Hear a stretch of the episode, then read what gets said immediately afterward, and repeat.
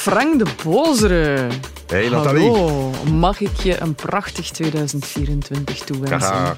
Ja, hetzelfde. En uh, 366 dagen lang. Hè. Een, een schrikkelijk prachtig jaar. Alsjeblieft, alsjeblieft. We krijgen een dagje extra cadeau.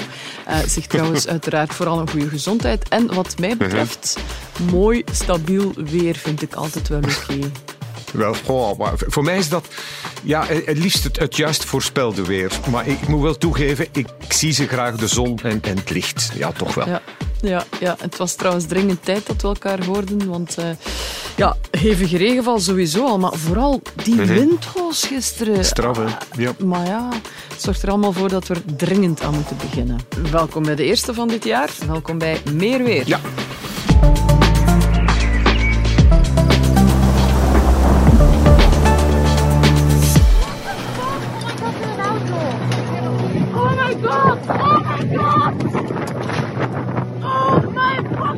Ja, wat was dat allemaal gisteren? Het leek alsof we naar een filmpje uit Texas aan het kijken waren, maar de beelden kwamen uit de Molenstraat in Onze Lieve Vrouw Waver. En over een strook van vier kilometer werden daken van woningen gerukt, vloog een mobiloom de lucht in, weet ik veel wat er allemaal wegvloog. Een windhoos, Frank. Waar mhm. kwam die ineens vandaan? Wel, Nathalie, we weten dat uh, dus, ja, rukwinden, die zijn een beetje per definitie, die zijn plaatselijk en tijdelijk, maar soms gaan die rukwinden gaan die zich organiseren en dan worden dat echte bad boys gaan die zich organiseren als een echte structuur, een soort wervelende kolom die, die alles opzuigt. Um, ja. een windhoos, in feite ja, hetzelfde, eh, een tornado. Het is, het is één en hetzelfde ding. Dit was een straffe, heel plaatselijk, want ja, een paar huizen verder, uh, totaal geen schade. En, maar zelfs voorkant en achterkant van huizen die helemaal ah, verschillend waren. In een tuin las ik ergens een man bloemetjes onaangeraakt en de andere mhm. kant was gewoon weg. Was het trouwens voorspeld? Wel, kijk, we, weten, er zijn een aantal voorwaarden uh, waaraan de atmosfeer moet voldoen, opdat er een windhoos kan ontstaan. Maar mhm. een windhoos als dusdanig voorspellen, daar gaan we ons nooit aan wagen. We weten dat soms de condities gunstig zijn. En dat was bijvoorbeeld ook het geval uh, gisteren. Windhozen uh, die ontstaan dus in, in heel onstabiele, in, in vochtige, een vochtige atmosfeer. Met mm een groot temperatuurcontrast tussen boven en beneden. En mhm. dan, dat is heel belangrijk, de windrichting moet veranderen met de hoogte. Mensen denken dat als het hier beneden waait van west naar oost, dan waait het daar boven ook, van west naar oost. Maar dat is niet altijd het geval. Uh, men spreekt over de windschering. Soms gebeurt het dat in de laagste 100 meter dat de windrichting helemaal verandert. Uh, piloten die, die weten dat bijvoorbeeld als ze uh, landen en er is veel windschering, ja, dan zie je, en er staan, uh, prachtige filmpjes van, dan zie je hoe dat vliegtuig opeens helemaal schuin gaat, gaat hangen en help gaat kunnen landen of niet, omdat er zoveel windschering is. Wel, dus die windschering, die, die was er ook gisteren. En dan moet het op grote hoogte krachtig waaien. De straalstroom, ja, dat was ook aanwezig. Maar dus, dat zijn allemaal condities om zo'n tornado, om een windhoos te veroorzaken. Uh, meestal zien we met de, met de huidige uh, computermodellen dat dus de voorwaarde is voldaan. En dan gaan we waarschuwen voor uh, lokaal onweer. Dat was ook gebeurd, dat er plaatselijk onweer in de lucht hing. Met dus die rukwinden. Maar nauwkeuriger dan dat kunnen wij niet zijn, kunnen ze in, in, in Oklahoma niet zijn. dat is altijd kans op. En ja, welke kracht zit daar dan achter? Hoe snel waait die wind dan op zo'n moment? Dat is straf. Hè? Dus in zo'n windhoos, uh, we hebben daar heel weinig echte waarnemingen van. Uh, gewoonweg omdat ja, we zouden om, om de 10 meter een animometer, een windmeter moeten, moeten plaatsen. En ja, eh, zo rijk zijn we natuurlijk niet. Maar ja, men heeft toch al windsnelheden in een windhoos gemeten van makkelijk 150 tot 200 kilometer per uur. Soms zelfs nog meer. Uh-huh. En we zien dan dat die windhoos dikwijls grillig door het landschap gaat bewegen met, met heel veel lawaai. daar, daar was ook eh, heel veel sprake van. Dat, dat mensen opeens, ja, het was opeens een F-16 die langskwam en dan grote stilte. Dus op een paar seconden is het gedaan. En dus ja, dat, uh, dat beestje laat dan uh, een spoor van vernieling na. Um, we zien meestal dat schadespoor van zo'n tornado. dat is een smalle lint. Dat is dikwijls maar een paar tientallen meter.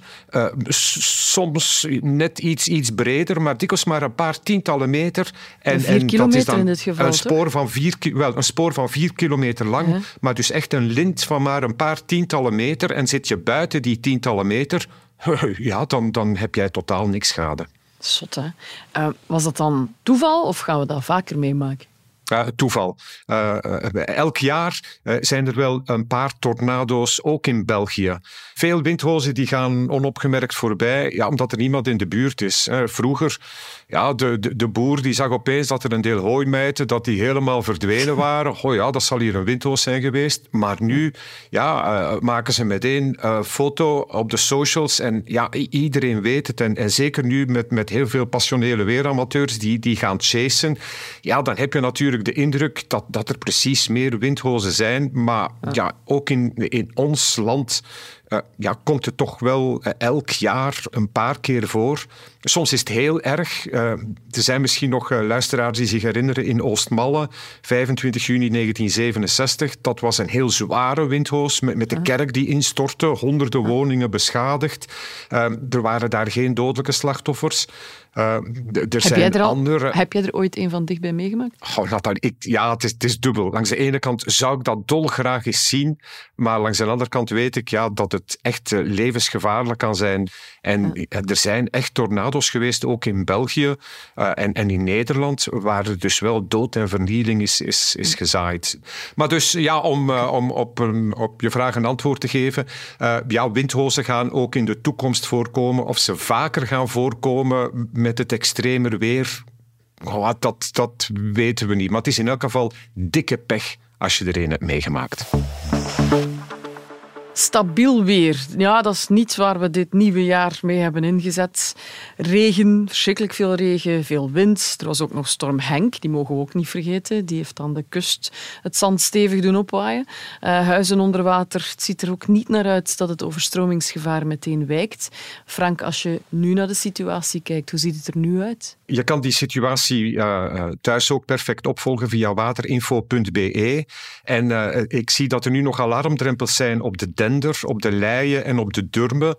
Uh, ja, in feite staat op heel veel plaatsen in Vlaanderen staat het water aan de lippen, bijna letterlijk. Mm. Maar dus de situatie is het moeilijkst in, in het zuiden en het centrum van Oost-Vlaanderen, ook in Vlaams-Brabant en in het zuidwesten van West-Vlaanderen. En natuurlijk ook in, in, in Wallonië, daar hier en daar. Ja is het ook erg, vooral provincie Henegouwen. Ja, en, en eerst was het vooral West-Vlaanderen. Uh, nu zeg je het Oost-Vlaanderen, Vlaams-Brabant.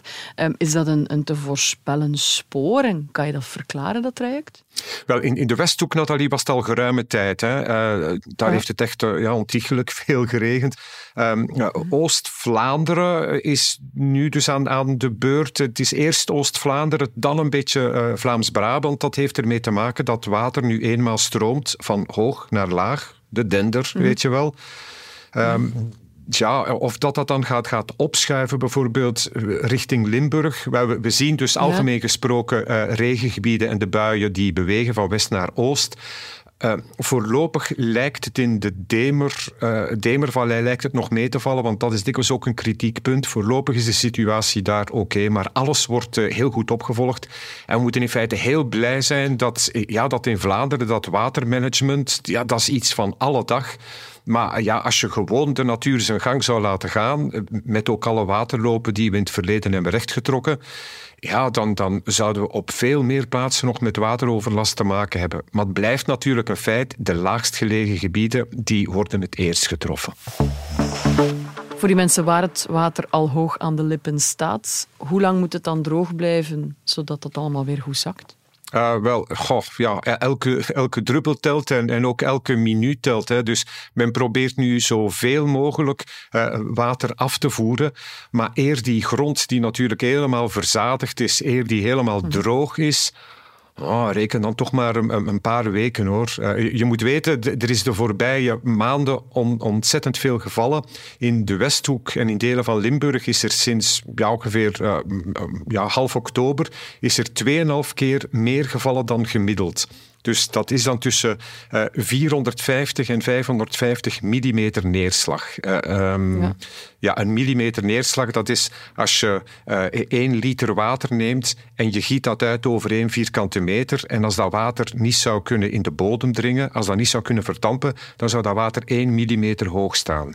Dus tussen 450 en 550 mm neerslag op, op iets minder dan drie maanden in de Westhoek en in delen van Limburg. Gemiddeld gesproken valt er op een hele maand zo'n zo 70 mm. Dus 70 maal 3, 210. Wel nu 450 tot 550, dat is te veel voor Corneel natuurlijk. En gaat dat snel veranderen? Zien we nog veel regen de komende dagen? Aha, de vraag van 1 miljoen. Wel, um, op, korte termijn heb ik geen goed nieuws, want in de nacht van donderdag op vrijdag verwachten we nog veel regen. Uh, maar wat er daarna komt, uh, start maar een muziekje en dan gaan we het hebben over de toekomst. Je maakt me al bang met je woorden, maar ik voel hem al aankomen. Ga vooral verder. Wel, het, het gaat eens veranderen, Nathalie, en gelukkig maar. Um, er zijn voor vrijdag nog wel wat buien, maar veel minder dan de voorbije dagen. Uh, de, de maxima, want daar hebben we het nu niet over gehad, maar dus ja, de voorbije dagen was dat echt van de pot gerukt met echt heel hoge temperaturen. wel, vrijdag halen we nog een graad of zeven. Maar dan tijdens het weekend volgt een verder geleidelijke afkoeling. Want die wind die, die de voorbije weken en maanden altijd ja, echt vastgeroest zat in, in zuidwestelijke richting, die gaat helemaal draaien. Die gaat ruimen over noordwest naar noord en naar noordoost. En dus we hebben dat, een heel... Dat wil zeggen dat het kouder gaat ja, worden. we hebben een heel andere luchtsoort en dat ga je dus uh, voelen. Uh, vanaf zondag mm. is er veel zon, Yes, maar het is koud. Okay. Met algemene nachtvorst en maxima rond het vriespunt. Het zou zelfs mogelijk overdag lichtjes kunnen blijven vriezen. Dus zondag, maandag, dinsdag is er kans op ijsdagen.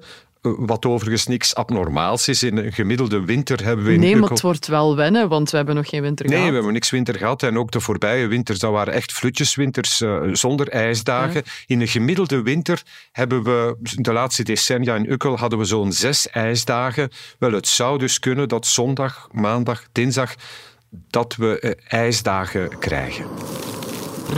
En zie je dat ook buiten ons land, dat het overal kouder wordt? Uh, wel, kijk, dus de, de, de kou zat de voorbije maanden heel goed opgesloten boven Scandinavië.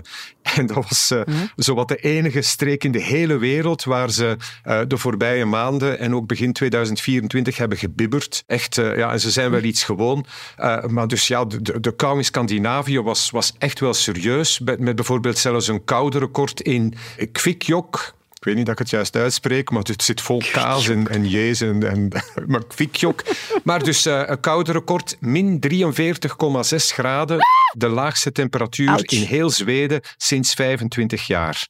Dus dat, dat, is, dat is wel straf natuurlijk. En het is ja, een beetje die kou die naar ons toe komt. Want ja, Scandinavië ligt nu ene keer noord-noordoost van ons. Dus bon, een beetje transportkou en dat gaan we dus dat gaan we voelen. Wat is het koude record bij ons? Oeh, dan, god, dan zou het echt heel koud moeten zijn. Dus uh, um, kijk, als we uh, overdag onder de min 7 blijven en s'nachts onder de min 13, min 14, dan zouden we over, over koude records kunnen spreken. En dat, Nathalie, zie ik de volgende dagen en nachten echt niet gebeuren.